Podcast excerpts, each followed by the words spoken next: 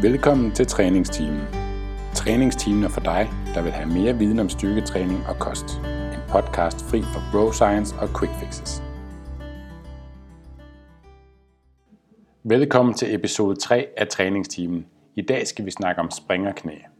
Jeg har taget turen til Aalborg for at besøge Nikolaj Bak, som også er med i dagens episode, men også for at besøge dagens gæst, Kasper Odsbjerg, i hans eget private træningscenter. Kasper er en af mine allerbedste venner. Vi har praktisk talt boet sammen i enkelte perioder, og vi har blandt andet også rejst sammen i Asien, hvor vi har lært om kinetisk vægtløftning. Kasper er til daglig personlig træner i hans eget firma Unlimited Performance, som holder til i Aalborg, og som han har stiftet sammen med sin forretningspartner Timmy. Kasper er også uddannet fysioterapeut, og han skrev netop om springerknæ i hans bachelorprojekt. Derudover har Kasper selv haft springerknæ i mange år, og endda faktisk også opereret i begge knæ for netop springerknæ. Kasper ved om nogen, hvordan det føles, og hvordan processen for genoptræning er. Han har prøvet stort set alle former for genoptræningsprotokoller, og valgt så at dykke endnu mere ned i emnet for at slippe ordentligt af med det. I min optik er han en mand, som man virkelig bør lytte til, når det kommer til springerknæ. Han har styr på sin teori, og ikke mindst praksis. Men lad os starte ud med et lille udsnit fra dagens episode, hvor vi snakker om, om hvile er en god ting for springerknæ. Hvad, hvad vil den typiske genoptræningsform bestå af? Den, man nu når du siger, at det ikke skal være hvile. Ja, så hvile er i hvert fald, hvis der er nogen, der anbefaler hvile, så vil, så vil jeg anbefale, at man går ud fra det sted, øh, det genoptræningssted, for det er det... Og får en anden fysioterapeut. Og får en anden fysioterapeut, eller finder en anden læge, for det er virkelig det sidste, man skal gøre. Ja, du kan vist godt glæde dig til dagens episode. Dagens episode synes jeg personligt blev en super god snak om springerknæ, og hvis du kender nogen, der døjer med springerknæ, eller måske selv gør, så er jeg sikker på, at du får en masse ud af at lytte til dagens episode. Med mig rundt om bordet i dag har jeg Nikolaj Bak og Kasper Odsberg. Og vi vil nu starte ud med en kort præsentation af os hver især.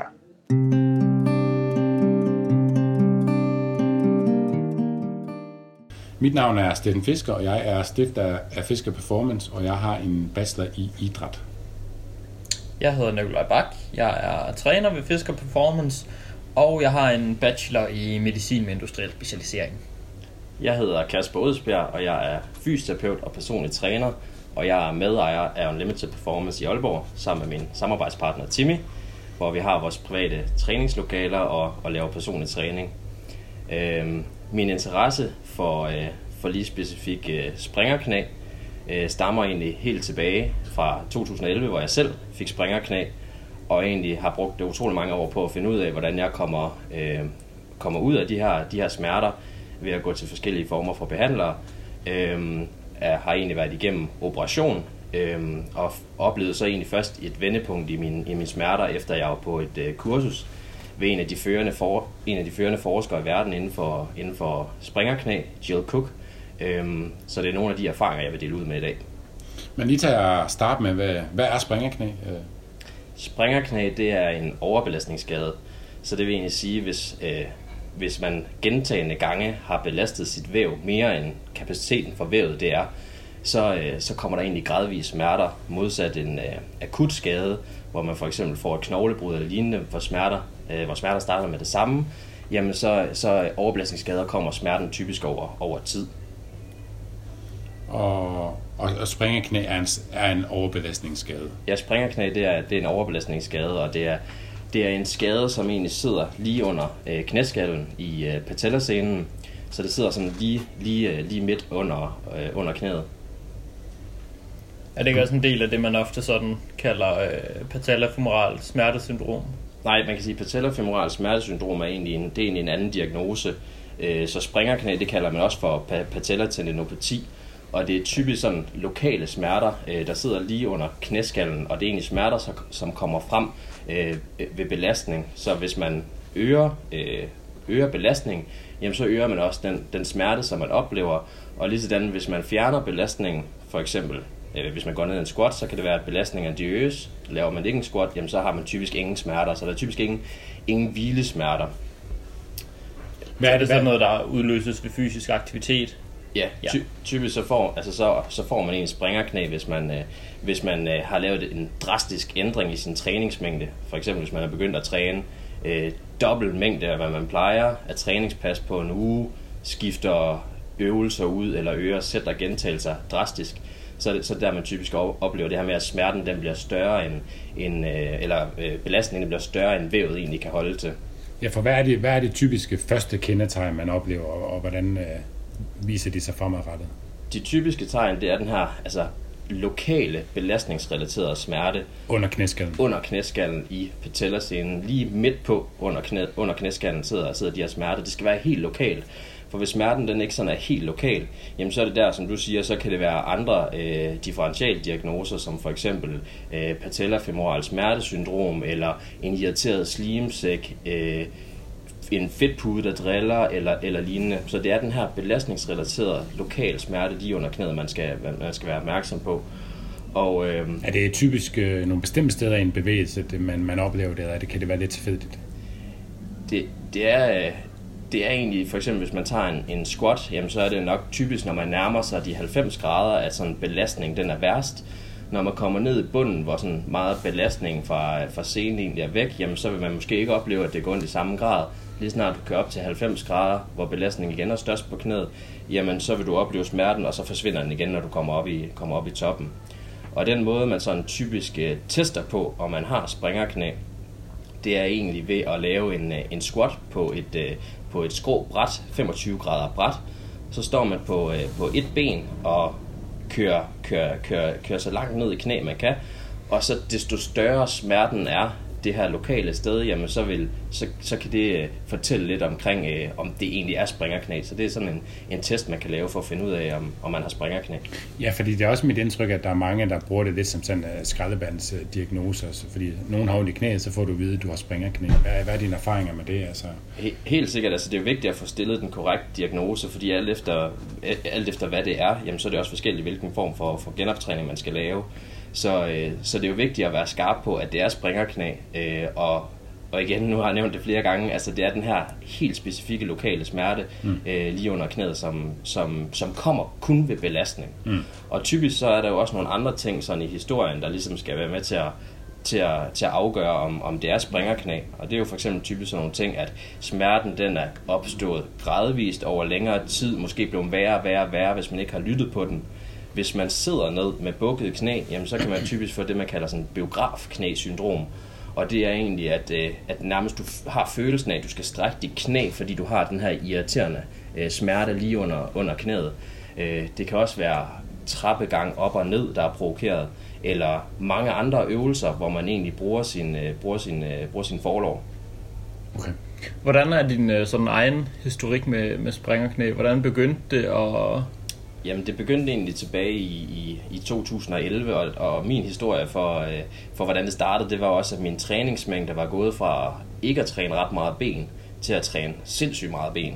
Øh, så der var en stor, stor forøgelse af min, min træningsvolumen, både antal gange om ugen, sæt og gentagelser, og gange jeg sådan trænede øh, forlovsmuskler, eller min forlovsmuskel. Så, øhm, så det var egentlig der, det, det typisk startede, så der kan man høre, at historien ligger meget godt op af, at det, at det kan være springer. Var det dengang, du startede på sådan en Smuller Junior i sin tid? Ja, det var det. Ja. så, øh, og, og der kan man sige, der valgte jeg egentlig at, at overhøre øh, de her signaler, der var fra, at det kunne være springerknæ. Mm. Øh, på det tidspunkt vidste jeg jo ikke bedre. Jeg tænkte, at jeg har ikke rigtig haft ondt før. Det her det, det kommer til at gå væk af sig selv. Så jeg tog egentlig en, øh, en uges øh, pause fra træningen af. Smerterne de forsvandt fuldstændig. Men så tænkte jeg jo egentlig, at jeg kunne fortsætte præcis det samme sted, som jeg slap. Og det værste, man egentlig kan gøre i, i et genoptræningsforløb for, for springerknæ, det er egentlig komplet hvile. Fordi det, der sker ved komplet hvile, det er jo, at scenen den mister sin, sin, sin styrke, øh, og det tager langt længere tid at få stærke sener og stærke knogler, end det gør at få, få stærkere muskler. Så en uges pause for mig har jo nærmest bare gjort, gjort mig endnu stærkere, øh, fordi jeg fik optimal hvile, fortsat det samme sted, eller endda mere, og så fordi at scenen, øh, altså pause på scenen, det hjælper bare ikke langvejt, så vil smerten komme igen, og det gjorde det også i mit tilfælde. Okay. Og så døjede jeg som sagt med det i flere år, indtil jeg til sidst ikke så nogen øh, måde at komme ud af det på, udover få den her operation. Og øh, hvis vi tager operationen, jamen, så kan det bestemt ikke anbefales, fordi at øh, man går egentlig ind og... Og det skal lige siges, at Kasper blev opereret i begge knæ. Begge knæ, Samtidig. Ja. Yes. Så det var, der var rimelig handicappet bagefter. Og, og, Det så ret sjovt ud, når Men du fuck, du fik rundt. trænet noget arm dengang. det, det gjorde jeg. Du bevæger dig rimelig sjovt rundt i hvert fald. ja, men, øh, men det er øh, en operation, altså er ikke noget, man, jeg mener, man skal overveje. Øh, I hvert fald ikke, hvor man går ind og får den operation, jeg, jeg fik, hvor man er inde og skære i scenen, for igen, vi har lige snakket om, om den her tilpasning til scener, det tager vanvittigt lang tid, så der gik jo ubeskriveligt mange måneder, inden jeg bare kunne gå ned i knæ med kropsvægt efter den her operation. Så det er virkelig det sidste, man skal gøre øh, imod sit springerknæ, det er, det er at få en, øh, en operation. Og faktisk så øh, en tredjedel af dem, som, bliver, altså, som får springerknæ, jamen de har symptomer i, i, øh, i 6 måneder. Og øh, halvdelen af, af dem, som, som dyrker sport på, på, på, på et vist niveau, jamen de må egentlig indstille deres sportslige karriere, hvis man får springerknæ. Øhm, og i gennemsnitligt så varer de her symptomer egentlig 32 måneder, så det er et ufatteligt langt øh, genoptræningsforløb, man egentlig skal igennem, og tiden for, hvor lang tid man skal genoptræne, bliver kun forlænget ved, at, øh, at man ikke lytter på, på smerten i, øh, i starten, som jeg for eksempel ikke gjorde, og derfor har jeg også døjet med det, og døjer stadigvæk med det i, i mildere grad, for jeg er heldigvis, øh, kan man sige, ved at komme ud af det, men det er jo også mange, mange år siden. Men det, så det er en diagnose, man skal tage meget seriøst, hvis der er, der er de små tegn til det. Man skal tage den, øh, man skal tage den meget seriøst, ja, og, og, øh, og få den korrekt diagnostiseret og, og behandlet. Ellers så, så kommer man til at døje med det i rigtig lang tid. Men Hvad skal man gøre, hvis man nu sidder derude og kan mærke, at jeg har måske lidt tegn til det her? Der er måske en fysioterapeut, der har sagt til mig, at jeg har noget springerknæslignende noget, og jeg kan mærke den her lokale smerte. Hvad, hvad skal man gøre? Jamen, det vigtigste, man egentlig skal gøre, det er, at man skal justere belastningen. Så det vil sige, at øh, de øvelser, eller den sport, eller de bevægelser, som man laver, jamen, dem skal du på et eller andet måde øh, lave mindre af, sådan at den belastning, der er på scenen, bliver mindre, og derved ligger under den, øh, den kapacitet, som scenen kan holde til at have ligesom tid til at, til at restituere sig fra. Så det vigtigste, man skal gøre, det er at, at justere belastning. Så det ikke gør ondt, eller kan man undgå, at det ikke gør ondt? Må det gerne gøre ondt, mens man træner? Eller? Så, så det er mest for, øh, altså det må, når man har springerknæ, så må den form for genoptræning, man laver, der må det gerne gøre, gøre ondt, når man laver det. Ikke ret meget ondt, hvis man har en skala fra 1 til 10, hvor 10 er den værste smerte, og 1 er ingen smerte. Jamen så vil man typisk kunne ligge på under 5 i smerte.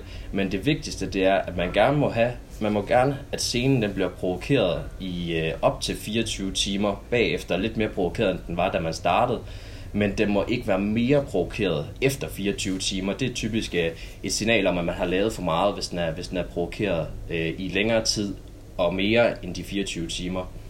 Så altså, det vigtigste det er justering af belastning. Nu fik jeg ikke nævnt, at jeg har skrevet en, øh, mit, mit uh, bachelorprojekt omkring, øh, omkring øh, springerknæ. Og, øh, og, og der fandt vi ud af alle de, vi lavede systematisk review, samlede alle artikler øh, for at se på, på den bedste behandlingsform, øh, øh programvariabler, og man skulle justere belastning ved springerknæ. Og der, der, der var et studie, som, øh, som ikke havde justeret den sportslige aktivitet, altså ikke justeret belastning, og det var faktisk det eneste studie, hvor, hvor patienterne ikke havde nogen effekt af, af genoptræningen. Så det vigtigste, det er justere belastningen, og så skal man jo så lave noget genoptræning øh, i stedet for, eller som supplement, men igen, hvor man har justeret belastning, øh, som går ind og styrker muskler øh, og scenen. Desto stærkere muskler man har, jamen så udsætter du egentlig også, øh, kan man sige, belastningen på scenen.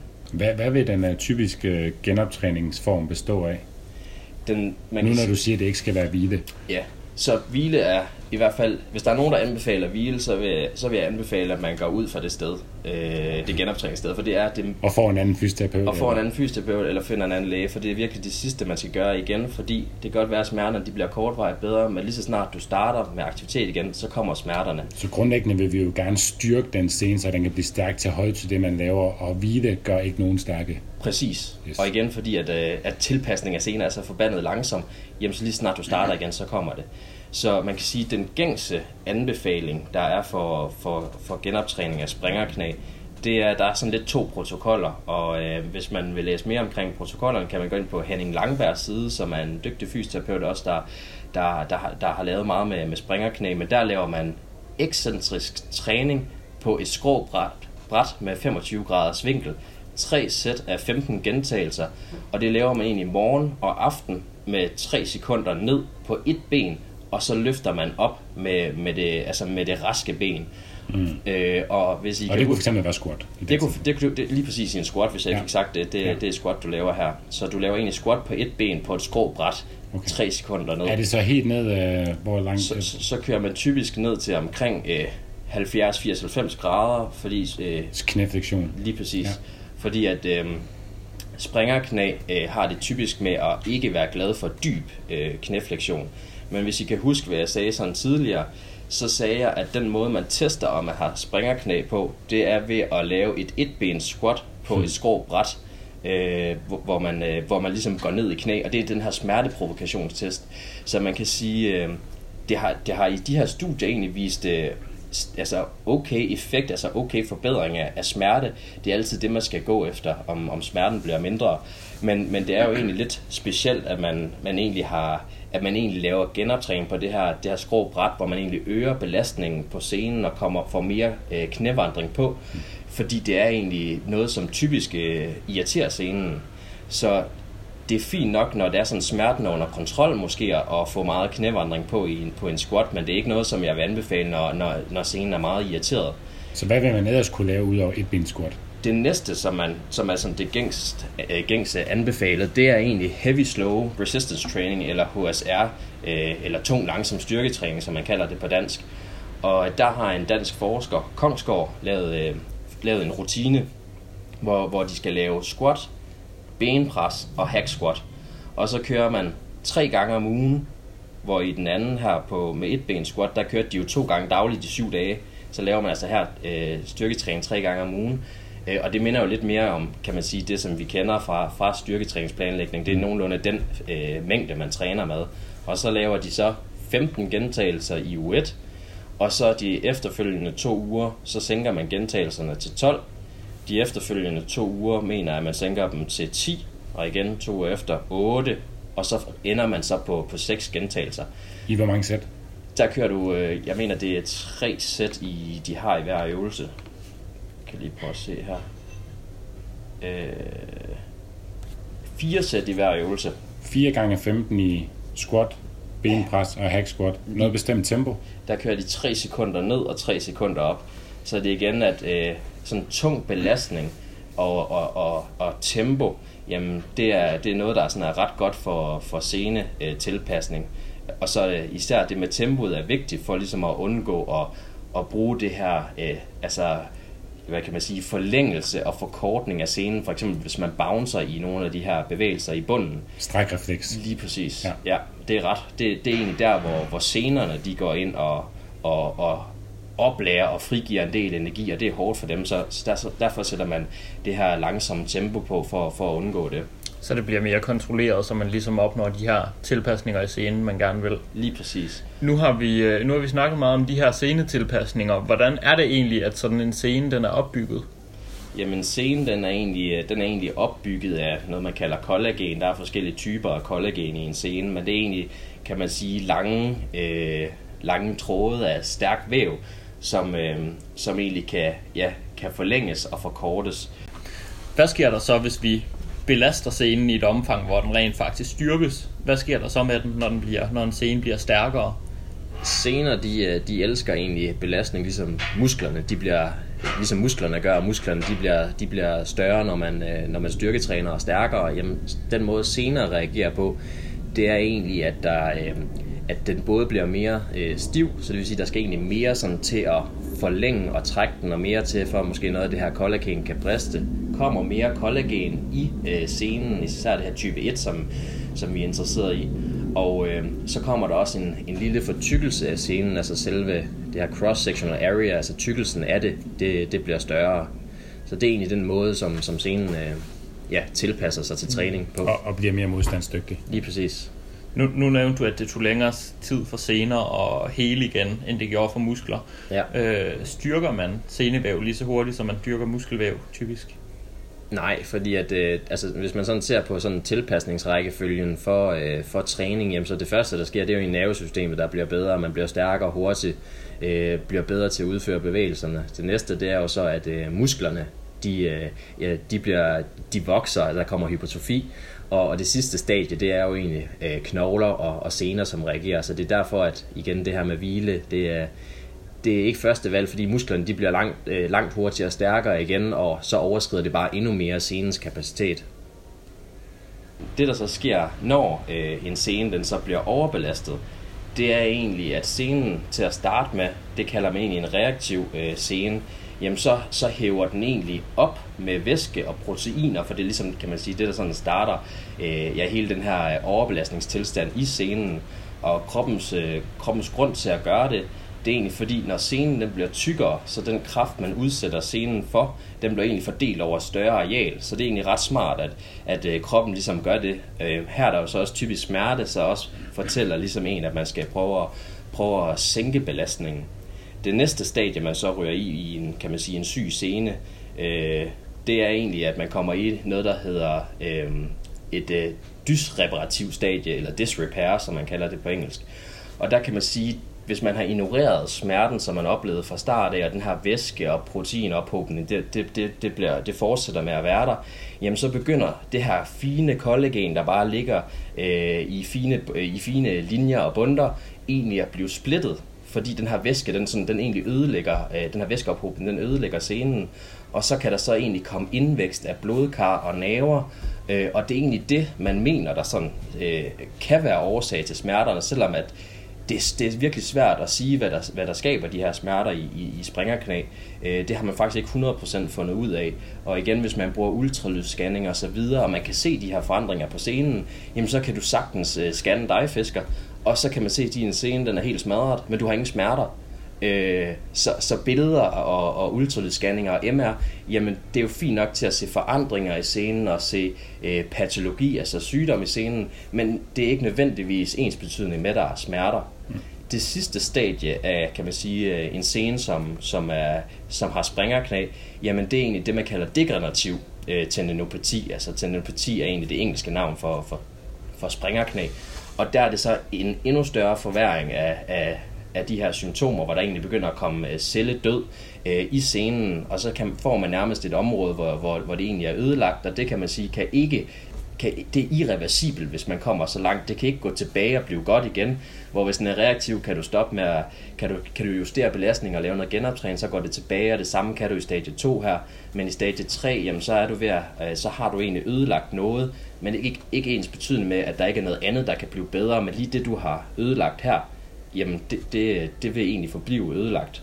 Men du kan selvfølgelig stadigvæk styrke det andet område af scenen. Ja, så i det her degenerative stadie, det er der, hvor der er opstået arvæv i scenen, som man, som man ikke kan komme af med igen. Ja, det er i hvert fald der, der kommer celledød. Ja. Øh, så, så det her kollagen og så videre, jamen at, at det egentlig er påvirket, øh, i, altså, og ikke kan blive, lige præcis den del af scenen ikke kan blive god igen. Og når de har været inde og skære min scene, jamen der har du også skabt det her, så der hvor man har inde og, inde og skære og ødelægge, vil jo egentlig nok altid være forblive ødelagt. Øh, men der er jo selvfølgelig øh, alt det andet kan jo, alt det andet af scenen kan jo godt stadigvæk, stadigvæk, øh, kan, stadigvæk, øh, stadigvæk styrke, sidder det. Så, men nu snakkede vi lige kortvejt før her omkring sådan de, de forskellige øh, genoptræningsprotokoller, mm. og jeg nævnte de her to gængse øh, genoptræningsprotokoller, der er. Mm. Det jeg så øh, var på kursus ved, øh, ved hende Jill Cook, og som, som egentlig er flere forskere, der er gået sammen om at, at, og kan man sige, udvikle en anbefaling for, hvordan man bør behandle de her... Var det her i Danmark bare ved sådan en Ja, det var, det var i Danmark, ja. hun kom øh, i 2015. Mm. Så, øh, så har de egentlig udviklet sådan en fire-stadie model til, hvordan man kommer tilbage øh, til ikke at have smerter ved, ved springerknæ. Og, øh, og det, der egentlig er interessant ved den her, det er, at det deler op i de her fire faser, hvor i de to andre, jamen når du har kørt, øh, det fik jeg vist ikke nævnt, i de her 12 uger, som genoptræningen varer, jamen kan man så bare gå tilbage til at lave det, man gjorde før? Kan man gå tilbage til at lave crossfit? Kan man gå tilbage til at lave vægtløftning? Kan du gå tilbage til at lave springsport, eller atletik, eller fodbold, eller det her det er mm. hyppige steder, som, som det forekommer, bare fordi, at du ved at køre et genoptræningsforløb egentlig har fået smerten væk. Og det er også der, jeg selv fejlede sindssygt mange gange i mit genoptræningsforløb øh, tilbage, hvor, hvor det var sådan, at jeg har kørt det her, min smerte var blevet kontrolleret, men så i det, jeg startede med at lave vægtløftning igen og styrkeløft igen, jamen så kom, øh, så kom min smerter med inden, inden kort tid, fordi det var sådan langt fra det, jeg egentlig havde lavet i min genoptræning. Så i det her øh, fire øh, stadie genoptræningsprogression, som, som Cook har været med til at udvikle, jamen der gør man det i, i stadie 1, når, øh, når man begynder at opleve, at man har den her lokale smerte lige under knæskallen, som kommer ved belastning, og man har fået ved en fysioterapeut, eller hvem, hvem der har været sundhedsprofessionelt diagnostiseret, at det er springerknæ, jamen så begynder man med, med statisk træning, har vist sig at være sindssygt, sindssygt effektiv til at smertereducere. Øhm, og kan, du, kan du nævne et eksempel på det? Ja, der kan man køre, der kan man køre fem, fem sæt af 45 sekunder statisk hold i en leg extensions. I en leg extension. Og der sidder du simpelthen i uh, den her benstræk maskine, strækker benene egentlig tæt på fuld strækt, øh, gerne lige en til 20 grader fra fuld stræk, fordi patienter med springerknæ, de, får, de kan typisk få impingement eller sådan en afklemning, hvis det er, hvis det er helt strækt, og det kan også mm. godt gøre ondt, så man skal køre sådan lidt fra fuld stræk, og så sidder man ellers og holder den i, i 45 sekunder i 5 sæt. Mm. Øhm, og det er simpelthen for at, i stedet for at hvile, en måde, man kan nærmest øh, smerte reducere, og så stadigvæk beholde noget af muskelstyrken og senens kapacitet øh, i, i, i forløbet her. Så det er stadie 1? Det er egentlig, det er egentlig stadie 1. En anden øvelse, man kunne lave øh, ud over øh, leg extensions, det er egentlig det, hun kalder en Spanish squat. Og det er egentlig, hvor man sætter sig i en, øh, i en squat, hvor man forsøger sådan at holde skinnebenene fuldstændig lodrette. Lårbenene er fuldstændig vandrette, og overkroppen er egentlig lodret, så man sidder egentlig øh, i en stole øh, position, hvis det mm. giver mening. Ja. Og så den måde, man så kan sidde den position på, det er ved, at man tager sådan en kraftig elastik under øh, i knæhæsen, altså under knæene, mm. og bundet fat til en stolpe eller et eller andet, altså så man ikke falder bagover. Og så sidder man så i den position i de her 5 sæt af 45 sekunder. Mm. Så det er egentlig sådan typisk det, man bruger i, øh, i øh, kan man sige, stadie 1 af, af det her, den her genoptræningscyklus. Mm. Når smerten så er blevet nogenlunde stabil, og øh, ja, man har aftagende, aftagende lige præcis, mm så, øh, så kan man så gå videre til stadie 2.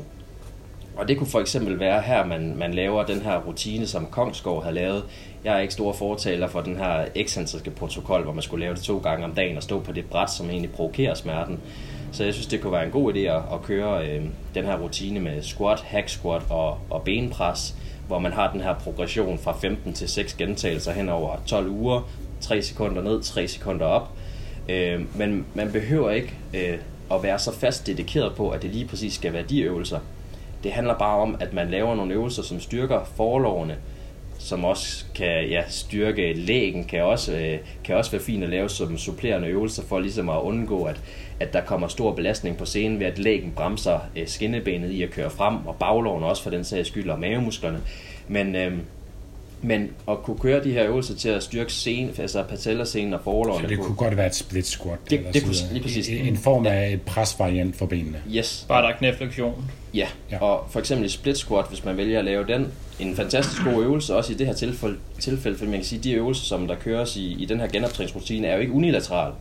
Og typisk, jamen, så kan det være, at de her smerter kun er i det ene knæ, men de kan også fint være i begge to, men der vil altid være et knæ, der er mere udtalt end det andet, og hvor symptomerne højst sandsynligt er startet. Og med, med unilateral mener vi, at man kører et ben ad gangen, eller ja. en arm ad gangen. Det, det definerer det unilateralt. Ja, ja, lige præcis. Så, så split squat er jo netop god for at få, få udlignet eventuelt øh, forskel imellem scener, forskel imellem øh, styrke i lårene. Ja. Men det man skal huske på, det er, at man forsøger, at det forreste ben, når man er i bunden, det er lodret og det er igen for at undgå at få alt for meget knævandring på til at starte med i ens genoptræning. Fordi igen, det kan godt, altså, det, altså springerknæ er bare ikke glad for for meget bøj mm. i bøj i knæet, så derfor så forsøger man ligesom at holde det her lodrette underben. Og det er vigtigt, at vi får sagt her, at det er jo ikke fordi, at øh, knævandring er et problem i sig selv, men man skal Nej. være ops på det, hvis man har tendenser til at springe af knæ. Lige præcis. Nu har I jo også talt om det i jeres øh, første episode, øh, at knæene, de ikke må, altså knæene gerne må komme ud over tæerne. Og det er også fuldstændig korrekt. Altså når knæene kommer ud over tæerne, jamen så belaster du dine forlår lidt, forlår lidt mere og, og styrker dem.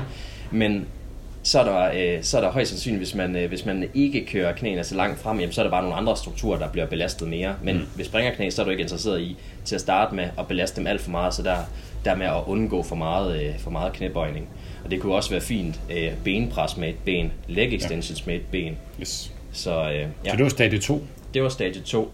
Og øh, så kan man sige, stadie, stadie 3, det man skal lige øh, huske på i stadie 2, man kunne godt stadigvæk fortsætte med at lave de her statiske øvelser som opvarmning, måske ikke mm. i 5 sæt, men 2-3 sæt, for ligesom stadigvæk at smerte reducere, inden man, man starter den her, den her genoptræningsprotokol. og man kan altid supplere med fase 1 også i de, i de andre stadier for ligesom at, at, at reducere smerten, hvis den skulle blusse op. Stadie 3, det er så egentlig der, hvor man begynder at skulle lave noget mere øh, sportsspecifik træning. Så for eksempel begynder at introducere, øh, hvis man laver vægtløftning, jamen prøver at introducere nogle, nogle, øh, nogle hop Øh, så mere tilbage til det, man kom fra. Lige præcis. Og man skal jo lige, hvis det er vægtløftning, skal man jo prøve at analysere, hvilke bevægelser er der der. Hvis man laver øh, springgymnastik, hvilke bevægelser er der der. Fodbold, hvilke bevægelser er der der. Og så prøver man at bryde ned i, øh, i, i, i øh, simple bevægelser, hvor, hvor, man, øh, hvor man kan styrke det. Hop fremad, hop tilbage, hop højt, øh, retningsskifte, opbremsninger. Og starter med en relativt lille mængde, og så ligesom man vil bygge styrketræningsprogram op, prøve at øge den hen ad vejen. Mm. Øh, og i det her stadie her, jamen så er det måske godt at holde det til, til maks øh, tre gange om ugen, øh, man, eller tre gange om ugen, hver tredje dag, sorry, at man laver det, sådan at, at belastningen den ikke bliver for stor. Stadie 4 Stadie 4, det er så egentlig der, hvor man begynder sådan at gå tilbage til, til den træning, som man egentlig har lavet. Altså man vil igen, øh, nu nævner jeg vægtløftning, det er meget sådan, kan man sige, mine interessepunkter, eller styrketræning, eller crossfit. Mm. Og altså man begynder at lave helt konkret øh, med stangen igen, og prøver at måske at, at lave den træningsmængde, man gjorde, øh, altså bygger sig op til at lave den træningsmængde, man gjorde, inden man fik springerknæ. Og så til sidst, når man har været øh, stabil i det her, jamen kan så begynde at konkurrere igen. Mm. Så, så stadie 4, der nærmer man sig endnu mere præcis sin gamle forhold. Lige præcis. Hvis det var fodbold, jamen at man måske er med på en træning, altså man, man kører med, det er ikke bare én gang, man gør det, det var en længere periode, man kører de her, måske er med på træning, og så når det har vist sig at være så stabil, jamen så kan du begynde at gøre det også i, i kampsituationer. Det jeg synes, der er interessant ved det her, øhm, og den her genoptræning i fire stadier, det synes jeg jo, at det er det her med, at mange af de bevægelser, man laver, det er ting, som, som, øh, som belaster scenen, og som i et eller andet omfang, som du siger, man introducerer det, man gjorde tidligere. Så man kommer faktisk til at lave nogle af de ting, der, øh, der belastede scenen, men overbelastede den til at starte med, så man, så man, øh, så man kom i en tilstand, hvor belastningen var for høj. Ja. Øhm, og det tænker jeg jo siger noget om, hvor meget det handler om, om dosering og gradvis tilpasning. Lige præcis. Øhm, ja, fordi vi har for eksempel oplevet rigtig mange vægtløfter eller crossfitter, som har de her symptomer, ved for eksempel ved for meget squat og introduceret vægtløftning oveni og sådan, altså så det, ja. at man så bruger en del af genoptræningen, træner man også squat, selvom det squat, der måske har været overdoseret i en periode, hvilket jo er meget interessant. Lige præcis. Så, så hvis, hvis det meget handler om overbelastning, hvad vil man så gøre, hvis man gerne vil forebygge springerknæ? Kan man forebygge springerknæ? Ja, altså det kan man jo egentlig godt. Altså der er nogle risikofaktorer for at udvikle springerknæ, og hvis man for eksempel hvis man har, hvis man har nedsat øh, bevægelighed i anklen, jamen så, så betyder det jo også, at der er nogle andre, altså så er det, så er det knæscenen, der egentlig øh, begynder at absorbere mere end for eksempel øh, andre scener og lægen vil gøre, hvis man ikke har så smidige forlår eller baglår, eller slappe forlår og baglår, kan det også være med til at kunne være en risikofaktor for, for at få konstateret springerknæ.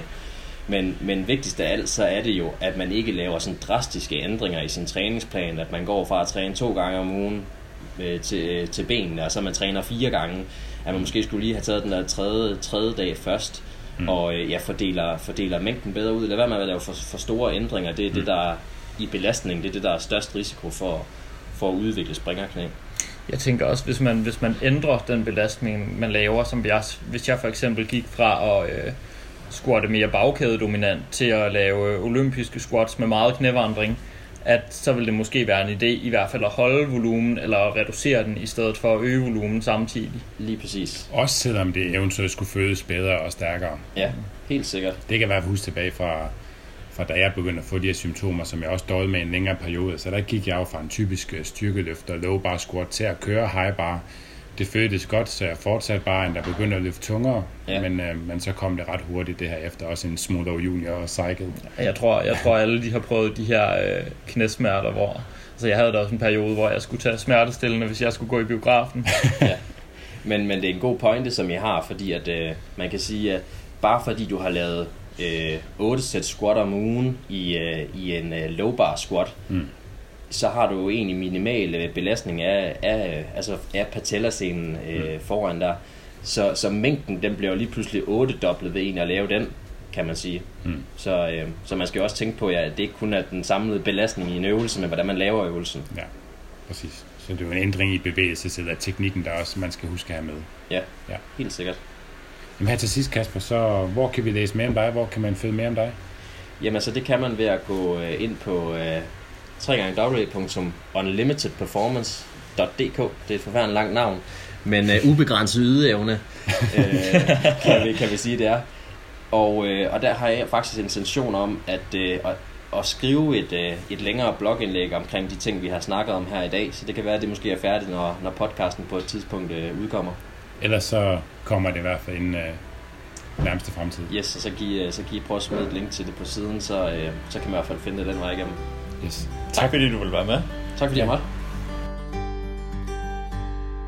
Og det var så afslutningen på denne episode. Hvis du kunne lide den her episode og gerne vil vide, hvornår den næste episode udkommer, så har vi oprettet en Facebook-gruppe, som du kan tilmelde dig.